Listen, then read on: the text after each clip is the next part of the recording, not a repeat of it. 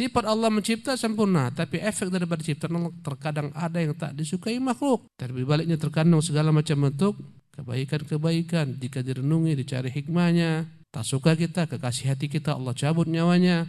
Allah wafatkan teman-teman kita, guru-guru kita. Tak kita sukai, cepatnya mereka meninggalkan kita. Ya, ini maf'ulatuhu. Ini adalah efek daripada perbuatan Allah. Tapi semuanya indah. Allah lebih sayang kepadanya daripada kita sayang kepadanya. Ya, inilah semuanya. Kadang-kadang Allah uji anak-anak kecil wafat, orang tuanya begitu cinta kepadanya Allah ambil anak tersebut ujian. Ini memang tak disukai oleh kedua orang tua, anaknya wafat karena penyakit dan semacamnya. Tapi perbuatan Allah semuanya indah. Allah lebih sayang kepada anak tersebut daripada kedua orang tuanya. Ya, Allah lebih cinta kepadanya. Allah muliakan dia dengan kotornya dunia ini. Dengan payahnya hidup di dunia ini.